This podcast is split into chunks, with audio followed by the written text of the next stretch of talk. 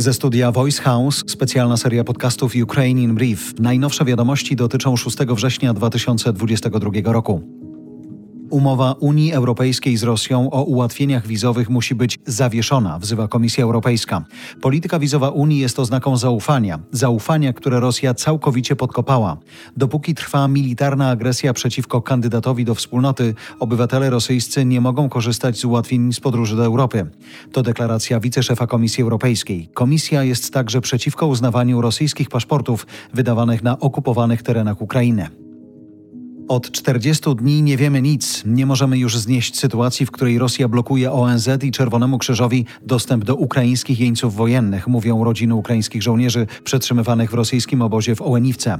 Nie mamy żadnych informacji o tym, kto zginął, a kto jest ranny, twierdzą bliscy żołnierze. Do rosyjskiego ataku na Ołeniwkę doszło w lipcu. Zginęło 53 ukraińskich jeńców, a dziesiątki innych zostało rannych. Rosjanie ostrzelali rano ponownie centrum Charkowa. Według prokuratury regionalnej użyli zestawów przeciwlotniczych S-300. Atak miał być przeprowadzony z terytorium Rosji. Jeden z pocisków trafił w dach pięciopiętrowego budynku. Trzy piętra zostały całkowicie zniszczone. Jedyny czynny reaktor zaporowskiej elektrowni jądrowej daje prąd tylko samej elektrowni. Rosjanie i kolaborujący z nimi urzędnicy twierdzą, że miasto nie ma prądu z powodu ukraińskiego ostrzału i uszkodzenia linii wysokiego napięcia.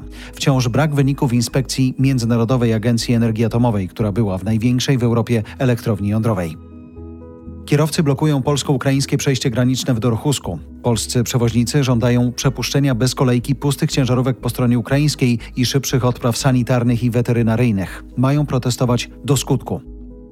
Tymczasem Polska Straż Graniczna podała najnowsze dane. Od początku wojny do Polski z Ukrainy wyjechało ponad 6 milionów ludzi.